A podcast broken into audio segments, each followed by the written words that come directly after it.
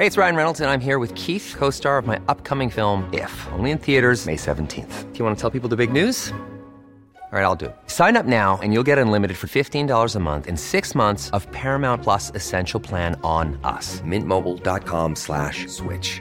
Upfront payment of $45 equivalent to $15 per month. Unlimited over 40 gigabytes per month. Face lower speeds. Videos at 480p. Active Mint customers by 531.24 get six months of Paramount Plus Essential Plan. Auto renews after six months. Offer ends May 31st, 2024. Separate Paramount Plus registration required. Terms and conditions apply if rated PG. This is Paige, the co-host of Giggly Squad, and I want to tell you about a company that I've been loving, Olive and June. Olive and June gives you everything that you need for a salon quality manicure in one box. And if you break it down, it really comes out to $2 a manicure, which is absolutely insane. It's also so easy to get salon worthy nails at home with Olive and June. The difference between how your nails used to look when you did them yourself and now with the Manny system is a complete game changer. The best thing about Olive and June too is it's a quick dry, dries in about one minute, lasts for five days, and full coverage in up to one to two coats. Visit oliveandjune.com slash perfect Manny 20 for 20% off your first system. That's oliveandjune.com slash perfect Manny 20 for 20% off your first system. There's never been a faster or easier way to start your weight loss journey than with PlushCare. PlushCare accepts most insurance plans and gives you online access to board-certified physicians who can prescribe FDA-approved weight loss medications like Wigovi and Zepbound for those who qualify. Take charge of your health and speak with a board-certified physician about a weight loss plan that's right for you. Get started today at plushcare.com slash weight loss. That's plushcare.com slash weight loss. plushcare.com slash weightloss. Helt siden de første menneskene slo seg ned i Trøndelag, har det blitt observert underlige lys over Hessdalen. Fenomenet har blitt forsøkt bortforklart som syner sett av bygdetullinger og deliriske hallusinasjoner forårsaket av den lokale drikkekulturen. Men det skulle vise seg at fenomenet stakk langt dypere når Hessdalen-fenomenet fikk verdensomspennende oppmerksomhet i ufo-miljøet på 1980-tallet. Fenomenet er fremdeles der, og det er fremdeles like uforklarlig som den gang. I 2024 kommer en podkastserie i seks deler produsert av Project Hessdalen, som kanskje en gang for alle skal finne svar på hva som rører seg på himmelen i denne bortgjemte dalen i Trøndelag. Serien har som seg hør og bør fått tittelen A Blaze in the Northern Sky, og den kommer til din favorittpodkastavspiller i 2024.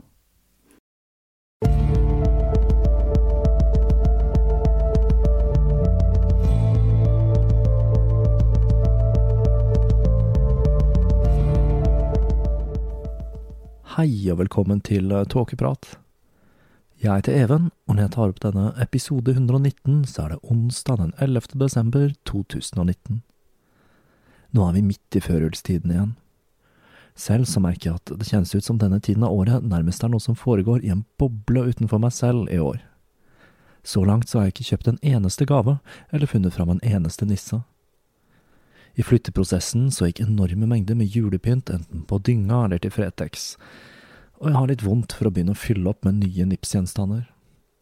Kanskje jeg burde kjøpe meg en lyslenke eller noe, men jeg får nå se hva det blir til. Det hele blir litt ekstra merkelig siden jeg jobber med barn, og får banket adventstid og julefortellinger inn hver eneste dag på jobb. Det kan jo tenkes at jeg føler meg litt fremmedgjort for førjulstiden, nettopp fordi jeg blir overfòret på jobben.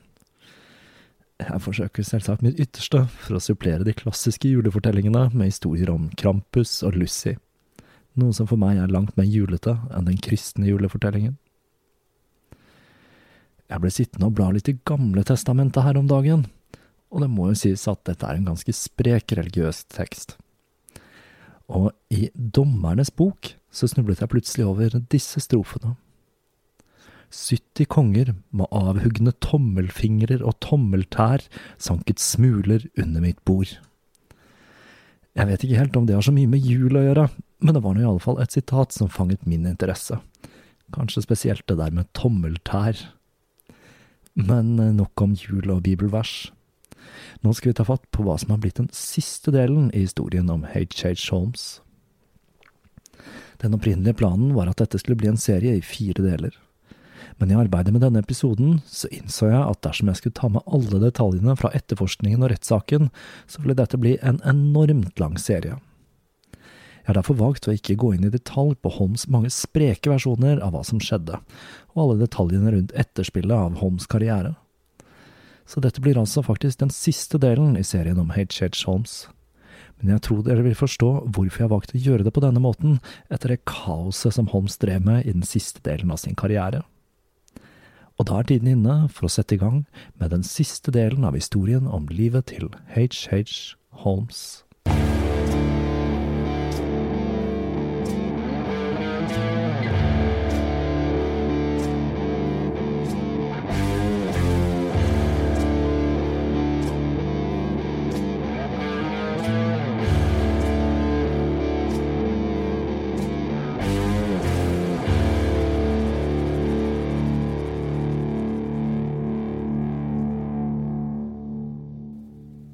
17. august ankom Benjamin Pitzel og Holmes Philadelphia.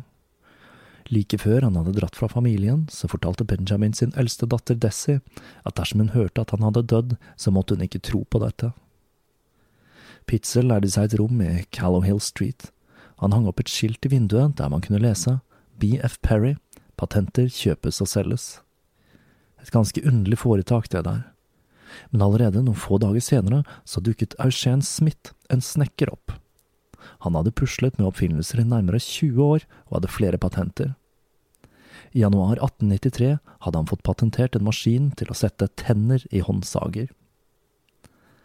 Eugène skulle ta kontakt med Pitzel flere ganger for å få hjelp med å lansere oppfinnelsen sin. Og det kan faktisk hende at Pitzel så en mulighet for en legitim forretning med Eugène men når snekkeren kom til Pitzel den 4. september, ble han møtt av et grusomt syn. Den 2. september fortalte Holmes Georgiana at han hadde fullført forhandlingene om en kopimaskin han skulle selge til Pennsylvania Railroad Company, og at de skulle dra fra Philadelphia den samme ettermiddagen.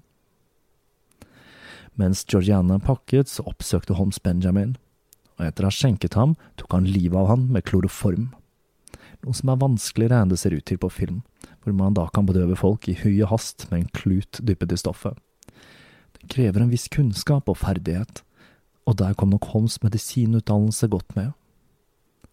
Etter gradvis å ha økt dosen og kuttet Benjamins oksygentilførsel, så helte han flytende kloroform inn i svelget hans, og han brukte magen som en blåsebelg for å sørge for at stoffet fant veien til magesekken.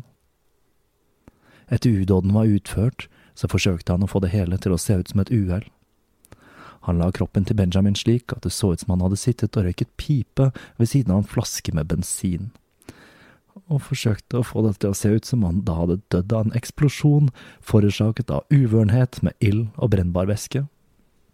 Etter drapet dro Holmes og hentet Georgiana, og de to tok toget til Indianapolis, mens liket til Benjamin ble liggende i leiligheten. Holmes hadde nok håpet at liket skulle forråtne såpass at alle spor etter drapet ville bli borte men den 4. september så kom altså Eugène på besøk for å diskutere patenten til denne sagtann-innsettingsmaskinen. Eugène hadde forsøkt å komme i kontakt med Benjamin den tredje, men han hadde ikke lyktes med dette, og siden han oppdaget at døren til leiligheten var ulåst når han kom tilbake neste dag, så bestemte han seg for å undersøke nærmere. Lukten slo umiddelbart imot han, og da han gikk opp i andre etasje, fant han det råtnende liket til Benjamin. Eugène løp for å finne doktor William Scott, som eide et apotek like i nærheten. William ble møtt av det grusomme synet av liket til Benjamin delvis forråtnet, den fæle stanken og en opphovnet tunge som tøt ut av munnen. Politiet og doktor Scott var enige om at dette ikke så ut som et uhell. Vinkelen på pipa gjorde at den så ut til å være plassert der av en annen person, og skadene etter eksplosjonen tydet på at dette dreide seg om et drap og ikke et uhell forårsaket av bruk av åpen flamme og bensin i fylla. Under obduksjonen fant man dessuten flytende kloroform i magen til Benjamin. Men til tross for dette så avgjorde rettslegens jury allerede neste dag at dette dreide seg om et dødsfall forårsaket av et uhell ekstrem flaks for Holmes der, og jeg må si at jeg undres litt om denne avgjørelsen til juryen var ren latskap. Mens dette pågikk, så reiste Holmes fra Indianapolis til St. Louis for å møte enken til Benjamin, Carrie Pitzel. Når Holmes ankom hjemmet deres, var familien i sjokk, og det samme gjaldt Desi, den yngste datteren, til tross for at faren hadde sagt at hun ikke skulle tro på rykter om hans død. Carrie hadde kun møtt Holmes noen få ganger, og hans forsikringer om at Benjamin fremdeles levde i beste velgående, ble møtt med skepsis. Han ba henne brenne brevene fra Benjamin der han skrev om forsikringssvindelen.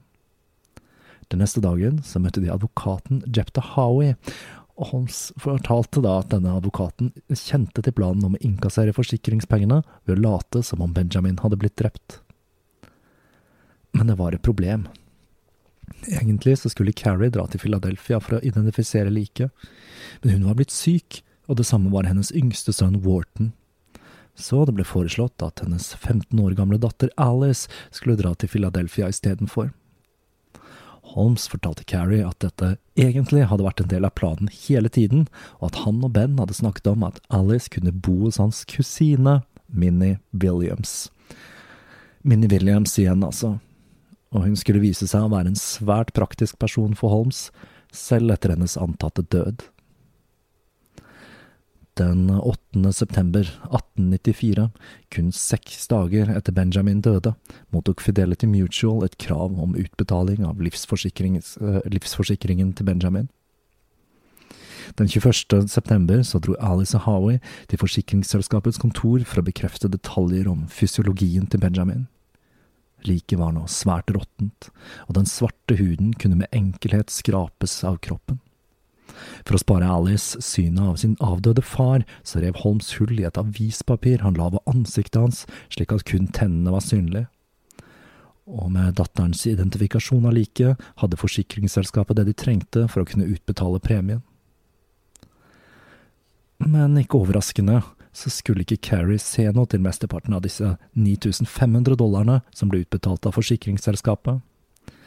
Jepta Howie tok 2500 av beløpet i honorar, og Holmes tok resten, bortsett fra 500 dollar, da han sa at Benjamin skyldte han penger for eiendommen de to hadde kjøpt av nettopp Minnie Williams. Og nå skulle Holmes begynne på et av de mer groteske prosjektene sine, når han begynte å sjonglere mellom de tre barna til Carrie, Carrie og hennes to andre barn, i tillegg til Georgiana i et slags underlig sjakkspill. Holmes overtok ansvaret for den tolv år gamle Nelly Pitzel og hennes åtte år gamle bror Howard ved å fortelle Carrie at Alice ville ha det bedre sammen med søsknene sine i Indianapolis, hvor hun da skulle ha bo med Minnie Williams fram til de kunne gjenforenes med faren. Samtidig inviterte han altså Georgiana med på denne rundturen, men han holdt barna og Georgiana separert, og hun var ikke klar over at han hadde med seg Pitzel-barna, samtidig som han flyttet henne fra sted til sted og på toppen av det hele så flyttet han altså Carrie og hennes to andre barn rundt i Nord-Amerika. Denne rundturen og omrokeringen av Georgiana, Carrie og barna var ganske så kaotisk, men han klarte å holde de separert uten at de oppdaget hverandre, selv om det var nære på noen ganger. Og på et tidspunkt så bestemte han seg for at tiden var inne for å ta livet av resten av Pitzel-familien. Stemningen blant barna som bodde med Holmes, bar preg at de ble forvirret av all reisingen, og frustrerte over å ikke få treffe sin mor. Holmes lot de skrive brev og tegne tegninger til moren, men hun mottok aldri disse.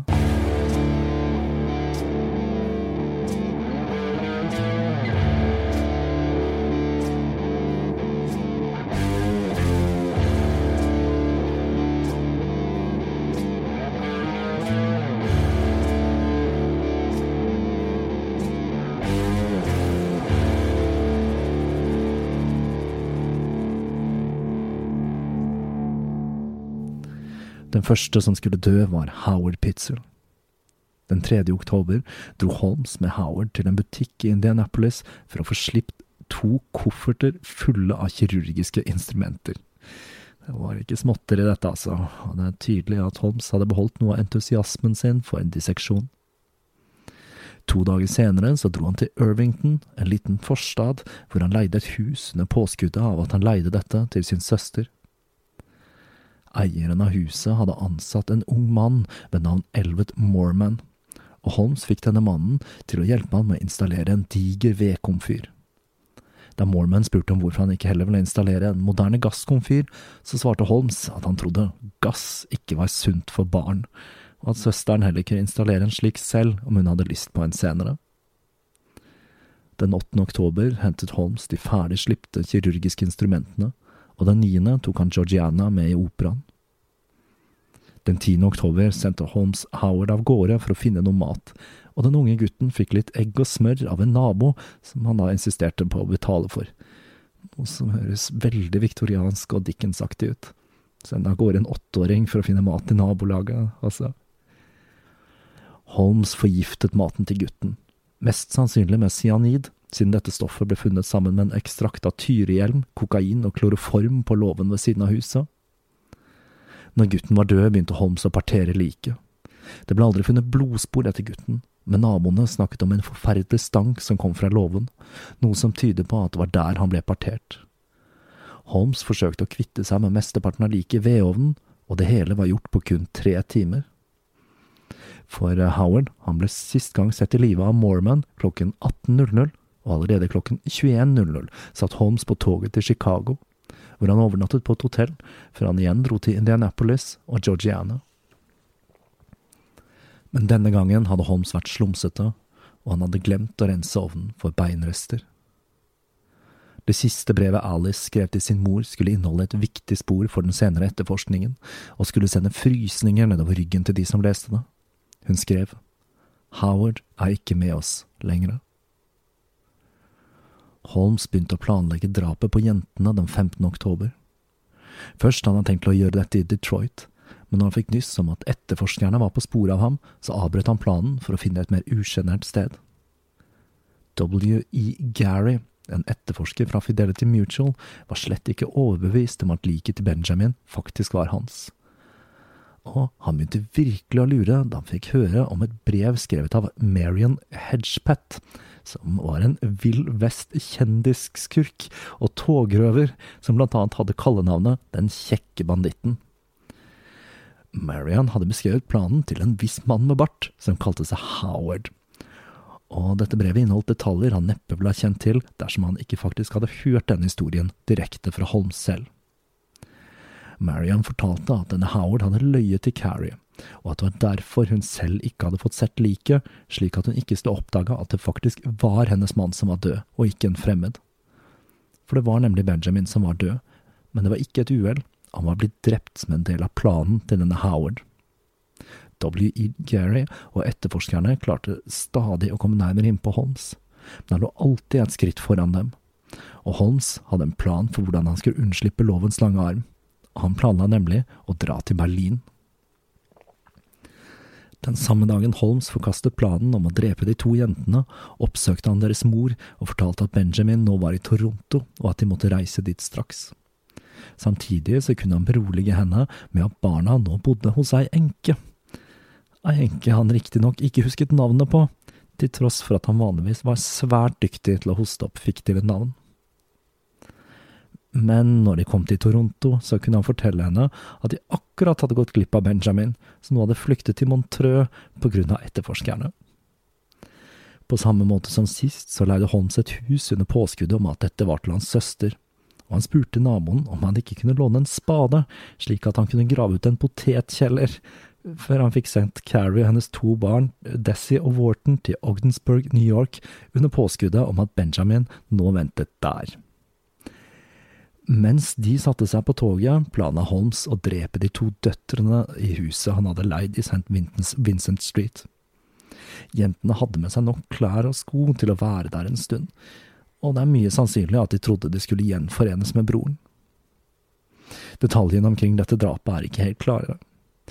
Myten skal ha det til at Holmes lurte de to jentene inn i en kiste, og at han gasset dem der, noe som førte til at avisene senere skulle kose seg med illustrasjoner av de vettskremte jentene som ble gasset, mens Holm sto ved siden av med en stoppeklokke for å være sikker på at de var helt døde. Jentene ble også illustrert som langt yngre enn de var på disse tegningene og det gikk også en historie om at Nelles føtter hadde blitt kappet av for å vanskeliggjøre identifikasjon. Men det var ikke innlagt gass i denne bygningen, og mest sannsynlig så forgiftet han dem på samme måte som med Howard. Denne gangen var han ekstra slumsete. Han begravde dem ikke spesielt dypt, og selv om han forsøkte å brenne opp klærne deres, så fylte han ovnen for full slik at de ikke brant helt opp.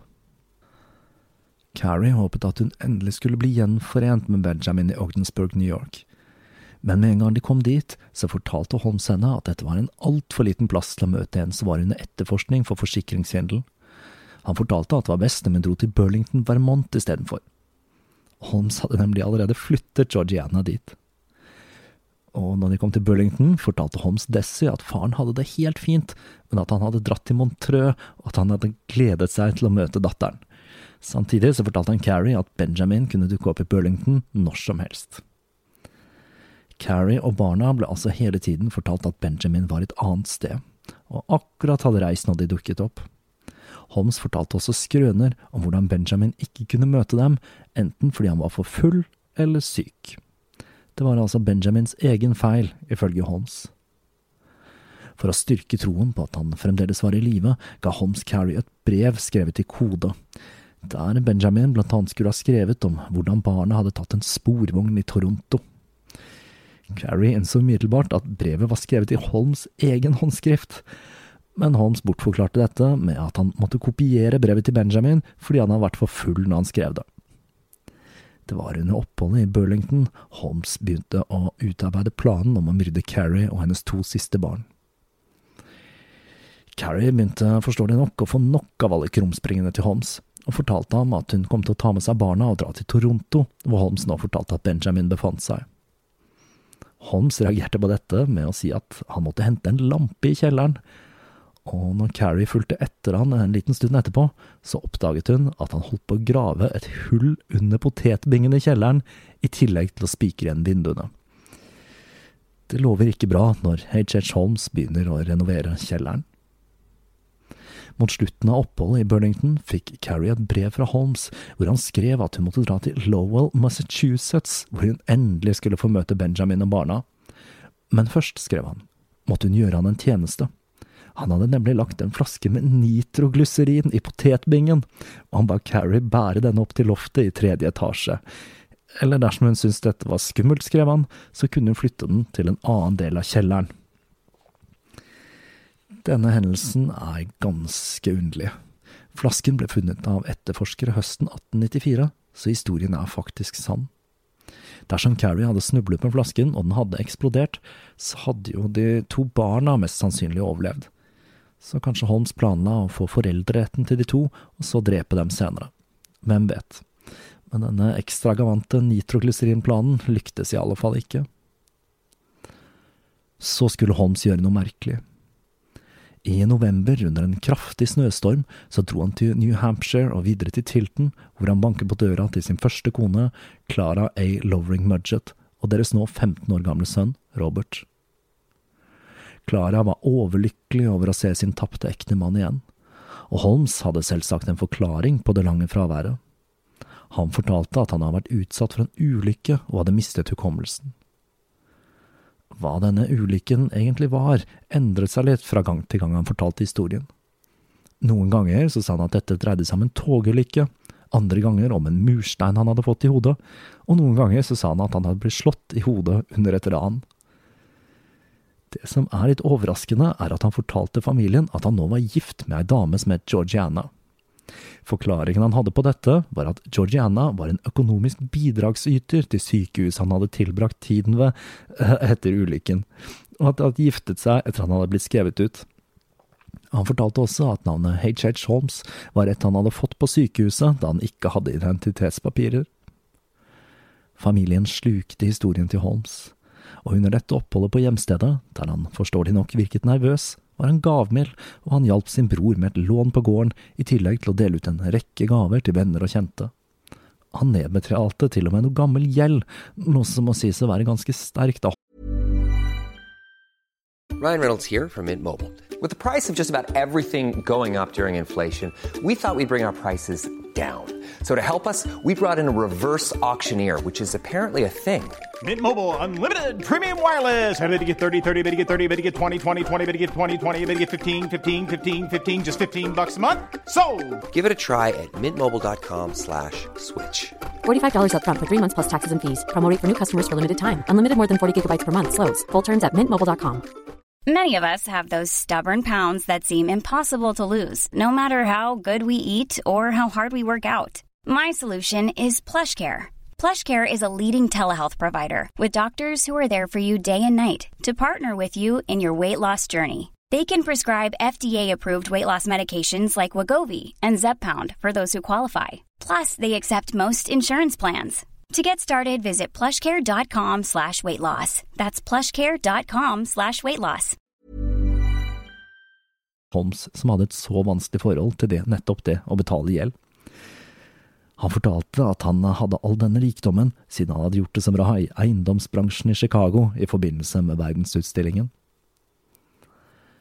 Etter noen dagers opphold så fortalte han familien at han lovet å komme tilbake igjen snart, før han satte kurs mot Boston. Han hadde tross alt Carrie og barna å ta hånd om. Men Holmes skulle aldri besøke familien igjen, for nå var det like før han skulle bli arrestert, for aldri å bli sluppet fri igjen.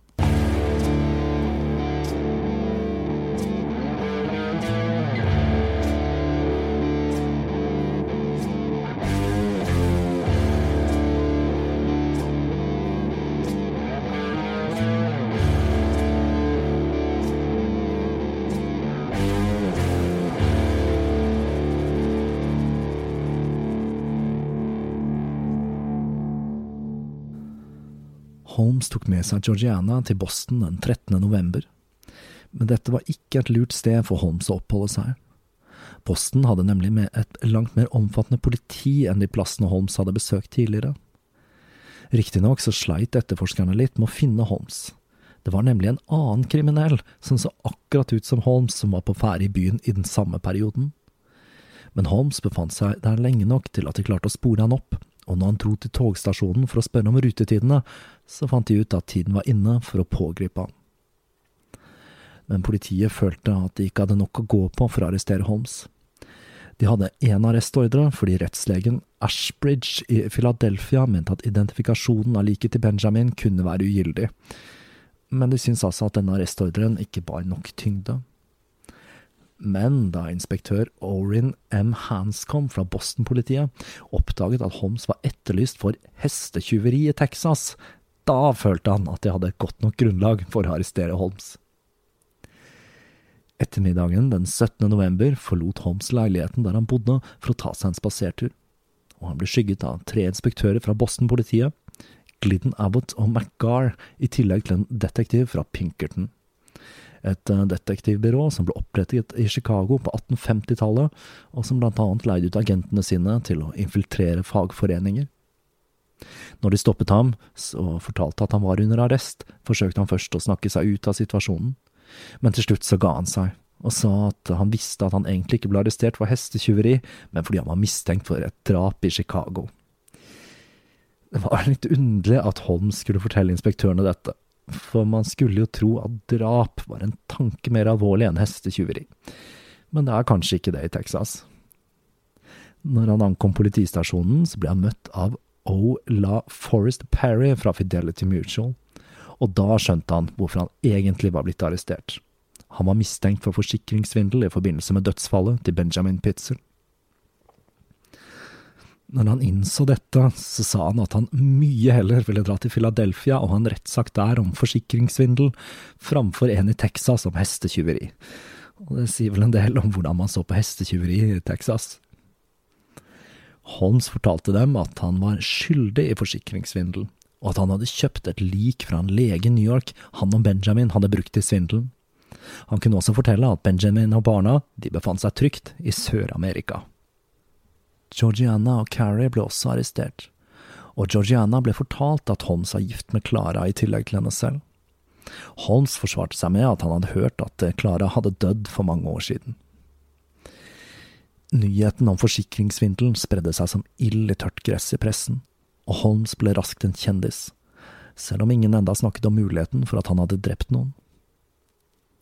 Den 19. november avga Holmes en full forklaring til inspektør Orin Hanscom, Hanscom fortalte at dersom Benjamin og barna ikke dukket opp, så måtte de anses for å være døde. Holm sa at han forsto dette, og at han absolutt ikke ville bli siktet for mord. For som han sa, selv om jeg har gjort en del gale ting, så er jeg absolutt ikke skyldig i det. Advokaten til Holmes, Jepte Howie, ble også arrestert for sin deltakelse i svindelen, men han ble senere løslatt mot en kausjon på 2500 dollar. det samme beløpet han hadde tjent på saken. Carrie besvimte når hun ble arrestert. Hun fortalte politiet alt hun visste, og sa at hun tvilte på at mannen og barna fremdeles var i live. Jo mer man nøstet opp historien til Holmes, jo merkeligere ble den. De aller fleste anså historien Holmes serverte om hvordan Minnie Williams hadde drept sin egen søster som en fabrikasjon, og man antok at det var Holmes selv som hadde drept begge to. Men ingen klarte helt å tegne et bilde av den tiden Minnie Williams hadde tilbrakt i Chicago, og selv i dag så er det en rekke ting som er uklart, selv om det antas at hun døde på samme tid som sin søster, i juli 1893. The Tribune skrev en artikkel om søstrene jeg synes det er verdt å ta med et sitat fra. For å understreke at Nanny var død, så skrev de om kofferten Nanny aldri hadde hentet. Som vi husker så ble den stående på lager i et år etter den ble sendt. De skrev Hvis det er én ting mer enn annet en kvinne verdsetter, så er det hennes små personlige eiendeler. Det er ingen som vil sparke hardere, hardere, høyere og lengre enn en kvinne som har mistet kofferten. Det herlige herlig viktoriansk sitat, det der. I løpet av det neste året skulle Holmes endre historien sin flere ganger. Noen ganger fortalte han at begge søstrene var i live, og andre ganger at begge var døde. Men i resten av livet hans var den vanligste forklaringen at det var Minnie som hadde drept sin egen søster.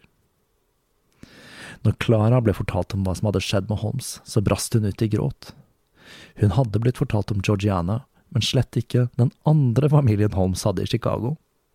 Etter å ha blitt fortalt sannheten om Holmes, så dro hun til foreldrene hans, som nektet å tro at deres sønn var skyldig. Og de skulle holde fast på troen at han slett ikke var en kriminell, men bare hadde en skrueløs resten av livet. Holmes' liv og virke ble en gullgruve for tabloidene, som spekulerte i om Holmes kunne stå bak drapet på alle kollegaer, venner og kjente som hadde forsvunnet i løpet av livet hans, helt tilbake til ungdomstiden men dette skulle ha motsatt effekt av hva pressen håpet på, når flere av personene det ble spekulert i om var ofre av Holmes, plutselig viste seg å fremdeles være i live. For da begynte man nemlig å spekulere i om alle de påståtte ofrene fremdeles var i live. Mange i Chicago husket også historien om den mystiske bygningen med alle de hemmelige rommene. Og selv om man hadde ikke hadde begynt å omtale bygningen som palasset enda, Mordpalasset var da en benevnelse man først skulle begynne å bruke etter Holms død. Så begynte skriveriene om at denne bygningen hadde en lang og mørk historikk som kunne fylle en hel bok, og noen av naboene foreslo at man burde begynne å grave i kjelleren for å se hva som skjulte seg der, noe man etter hvert gjorde. Mens dette pågikk, var fremdeles forretningen i første etasje i bygningen i drift, mens andre og tredje etasje stort sett var forlatt, med unntak av Quinlan-familien som leide et rom i andre. Skriveriene i Chicago nådde et høydepunkt søndagen 25. november, når Chicago Tribune skrev en lang artikkel som tok for seg Holms liv og virke, som historien om ABC Copier Company og de mange svindlene hans, som for eksempel det mystiske blå mineralvannet. Det skrev også at han hadde kjøpt apoteket av en dr. Holden uten å betale for det. Og ikke minst at Holmes hadde vært involvert med 200 vakre kvinner i Chicago, og de skrev at de gangene han hadde møtt en kvinne som hadde mye penger, så hadde han giftet seg med henne, og han skulle ha hele seks koner og 25 barn, ifølge Tribune. Reporterne sporet opp også opp Mirtha Holmes i hennes hjem i Vilmet. men Mirtha ville ikke høre noe av historiene til reporterne. Hun sa at hun sto ved sin manns side, og fortalte at han hadde støttet henne økonomisk siden dagen de ble gift. Men reporterne ga seg ikke og de fant ut at huset hun bodde i var bygget med materialer kjøpt på kreditt av Minnie Williams. For Mirtha så ble livet tøft, og hun ble støtt ut av lokalsamfunnet når hennes mann ble beskyldt for å stå bak så å si hver eneste uløste forbrytelse i Nord-Amerika. Holmes og Mrs. Spitzer ble overført til Moyamensing-fengselet i slutten av november, i påvente av rettssaken. Der ble Holmes fortalt at han burde skaffe seg en advokat, noe han nektet med begrunnelsen at han skulle erklære seg som ikke skyldig. Men til tross for dette så dukket opp en advokat som skulle forsvare Holmes, en William Shoemaker. Dette var en advokat tidlig i tyveårene som kun hadde et par års praktisk erfaring. Shoemaker hadde blant annet vært involvert i etterforskningen av det uløste drapet på Emma Fitzenmeyer, som hadde blitt funnet med overskåren strupe etter hun hadde vært på en dans i 1889. Shoemaker hadde tatt med seg en spiritist i huset hennes for å forsøke å få kontakt med den døde kvinnen, men han hadde til slutt blitt kastet ut av politiet. Shoemaker sa at dersom han ikke hadde blitt kastet ut, så var han sikker på at det skulle ha kommet til bunns i det fire år gamle drapet. Han skulle ha blitt kontaktet av en mystisk mann som hadde gitt han 100 dollar for å forsvare Holmes. Hvem denne mystiske mannen var, var det ingen som fant ut av, og det er meget mulig at Shoemaker fant på det hele for å bli midtpunktet i hva som så ut til å bli en spektakulær rettssak.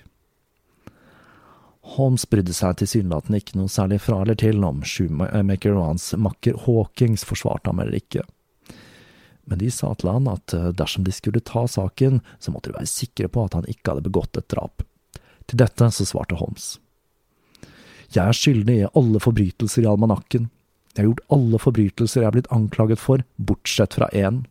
Med Gud som mitt vitne, og jeg håper å falle død om om jeg ikke forteller sannheten. Jeg har aldri vært skyldig i direkte eller indirekte å gyte menneskeblod.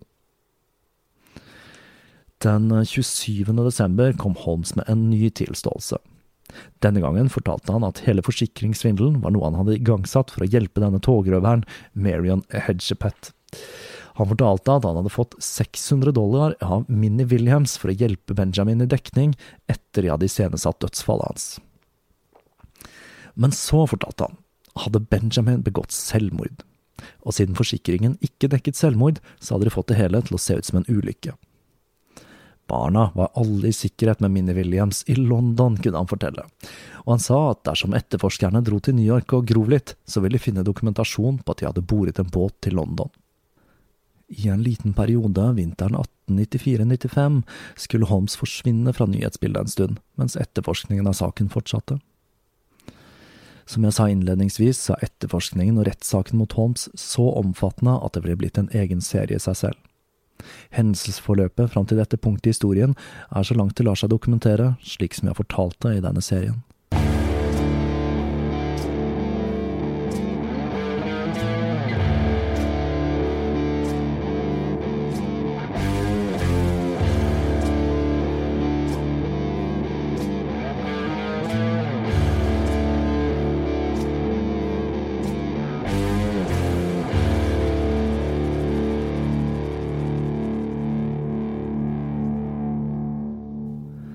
Flere oppdagelser skulle hause opp saken rundt Holmes på ny.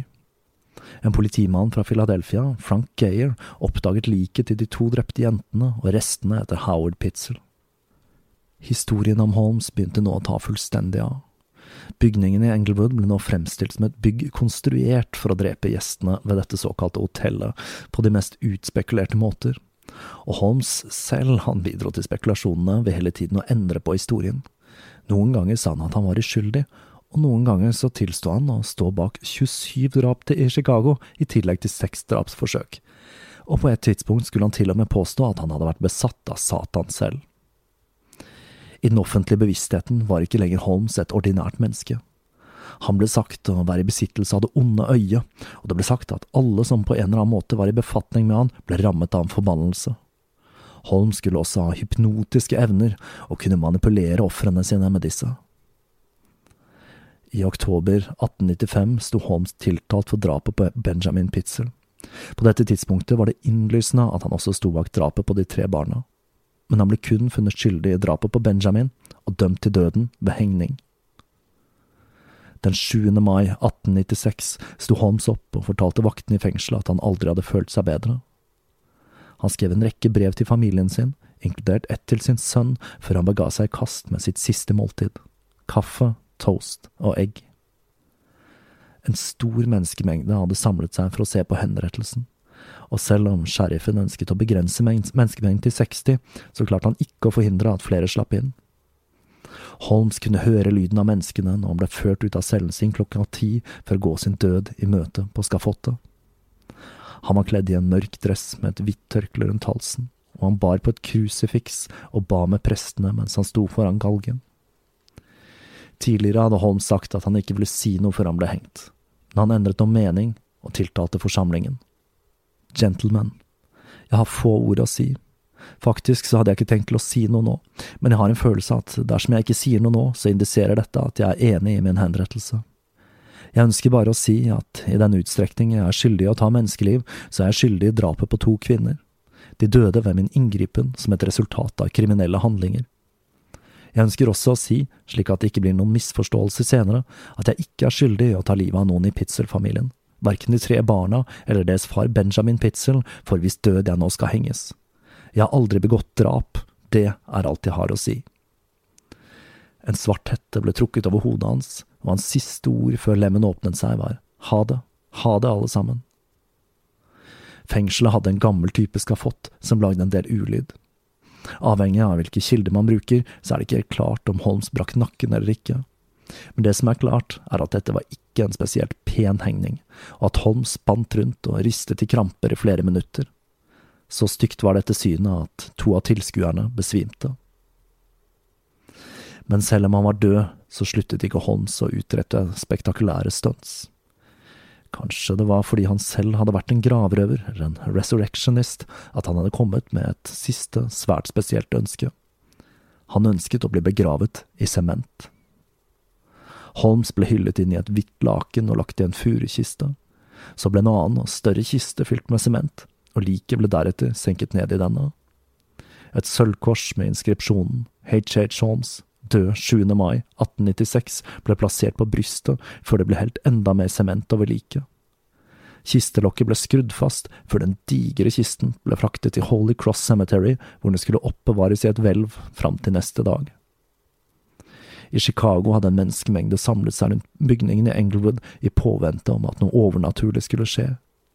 Med hengningen til mannen som var på alles lepper som djevelen selv, virket sannsynlig at noe skulle skje i bygningen som hadde fungert som hans drapsmaskin under verdensutstillingen. Den natten ble hvelvet på Holy Cross voktet av to vakter som måtte tenne et bål for å holde varmen. Men til tross for ryktet til mannen i sementen, så skjedde det ikke stort spennende den natten. Neste dag samlet en stor menneskemengde seg for å se på begravelsen. To gravplasser hadde blitt kjøpt for å få plass til den digre kista, og graven var ekstra dyp etter Holms eget ønske. Kisten var så ekstremt tung at de åtte bærerne måtte få ekstra hjelp for å legge kisten på vogna som skulle frakte den til graven. Og vogna var ikke den som vanligvis ble brukt til å frakte kister, men en møbelvogn spesielt rekruttert for denne anledningen. Knirkende under vekta av kisten ble vogna dratt mot den enorme graven, der fire store bjelker var lagt ut for å kunne støtte den enorme, tunge kista. Klokka 4.20 begynte fader MacPake på dødsmessen for Holmes. Tilskuerne tok av seg hatten, nok mest av respekt for presten enn mannen som lå i kista. Når seremonien var over, ble lokket på kista tatt av, og den ble senket ned i graven med tau, før fire tønner med sement og deretter sand ble helt over. Det ble aldri plassert noen gravstein der, og i årenes løp skulle bestyreren på kirkegården sørge for at graven var så lite synlig som mulig. Men den påfølgende helgen kom tusenvis av skuelystne for å se på det siste hvilestedet til djevelen i den hvite byen. Avisene skrev om en mystisk kvinne og hennes datter som jevnlig ble sett besøkende på graven. Men dette var kun begynnelsen på legenden og eventyret om mannen som kalte seg H.H. Holmes. Historien om han skulle vokse seg til å bli en spektakulær fortelling som skulle sette sitt preg på populærkulturen helt fram til podkastenes tidsalder.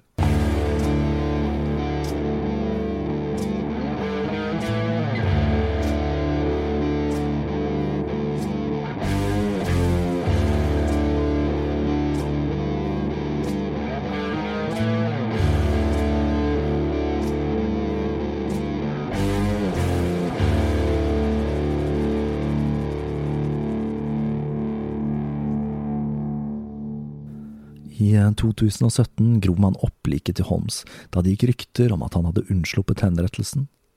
Siden liket var bevart i sement, så var til og med barten intakt, og man klarte å identifisere liket i kista som H.H. Holmes. Denne serien har vært både omfattende og artig å jobbe med. En av tingene som fascinerer meg med historien om Holmes, er hvordan denne historien har klart å vokse seg til å bli et moderne eventyr som har blitt holdt i hevd helt siden 1896 og ikke bare blitt holdt til live, men er blitt til historien om djevelen med mordpalasset som kanskje myrdet så mye som 200 kvinner som kom for å søke lykken i Chicago under verdensutstillingen. For historien om Holmes, den egentlige Holmes, er i seg selv utrolig fascinerende. Som jeg har terpet på i denne serien, så er det lite trolig at Holmes kan kalles en seriemorder. Jo da, han drepte flere mennesker, men dette ser i stor grad ut til å være noe han gjorde for å rydde folk av veien som kom i veien for hans store lidenskap, svindel. For maken til svindler, det skal man lete lenge etter. Jeg blir sittende og lure på hva som drev mannen, for det er åpenbart at denne svindlingen hans var noe han bare måtte gjøre. Det var ikke fortjenesten som var viktig, men gleden over svindelen i seg selv. Så glad var han i svindel at han til og med gjorde den forbrytelsen som jeg har lest om i Lucky Luke at man absolutt ikke må gjøre i Texas, nemlig hestetyveri. Og det var jo utrolig nok også dette som til slutt førte til hans arrest. Selv i hans mange tilståelser så fortsatte han å ljuge og fabrikkere historier over en lav sko. Kanskje fordi han nøt all oppmerksomheten han fikk på grunn av dette, eller kanskje rett og slett fordi han elsket å narre folk. Du kan jo si at han virkelig lyktes med dette, når han klarte å skape en så spektakulær myte om seg selv. Kanskje man kan si at vi alle har blitt lurt av H.H. Holmes, selv så lang tid etter hans død. Og tenker man på det på den måten, så var han kanskje en av de mest vellykkede svindlerne gjennom tidene. Bare det at man gravde opp liket hans i 2017, er jo et tegn på at Holmes peker nese til oss fra viktoriatiden. Som jeg har sagt tidligere i serien, så får jeg visse assosiasjoner til Thomas Quick av H.H. Holmes, og hvordan han ble sagt å stå bak omtrent hvert eneste uløste drap i Skandinavia, godt hjulpet av pressen og tvilsomme avhørsmetoder. Nå blir det bare én episode til før jeg tar juleferie. Eller ferie og ferie, det vil si jeg kommer til å bruke julen til å forberede starten på Tåkeprat i 2020. Og tradisjonen tro så vil denne siste episoden bli en julepratepisode, og jeg regner med å få den ut innen en ukes tid eller noe sånt. Så da får jeg håpe dere har satt pris på denne litt annerledes serien om H.H. Holmes, og at jeg har klart å kaste et nytt lys over livet til djevelen i Den hvite byen. Og fram til neste episode så gjenstår det bare å ønske dere alle en god førjulstid. På gjenhør.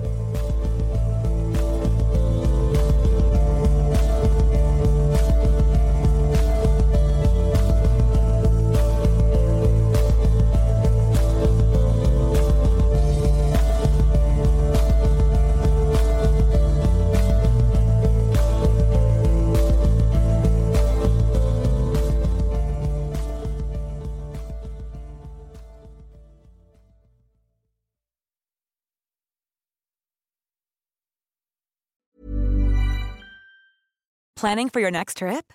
Elevate your travel style with Quince. Quince has all the jet setting essentials you'll want for your next getaway, like European linen, premium luggage options, buttery soft Italian leather bags, and so much more. And is all priced at 50 to 80% less than similar brands. Plus, Quince only works with factories that use safe and ethical manufacturing practices. Pack your bags with high-quality essentials you'll be wearing for vacations to come with Quince. Go to quince.com slash pack for free shipping and 365-day returns.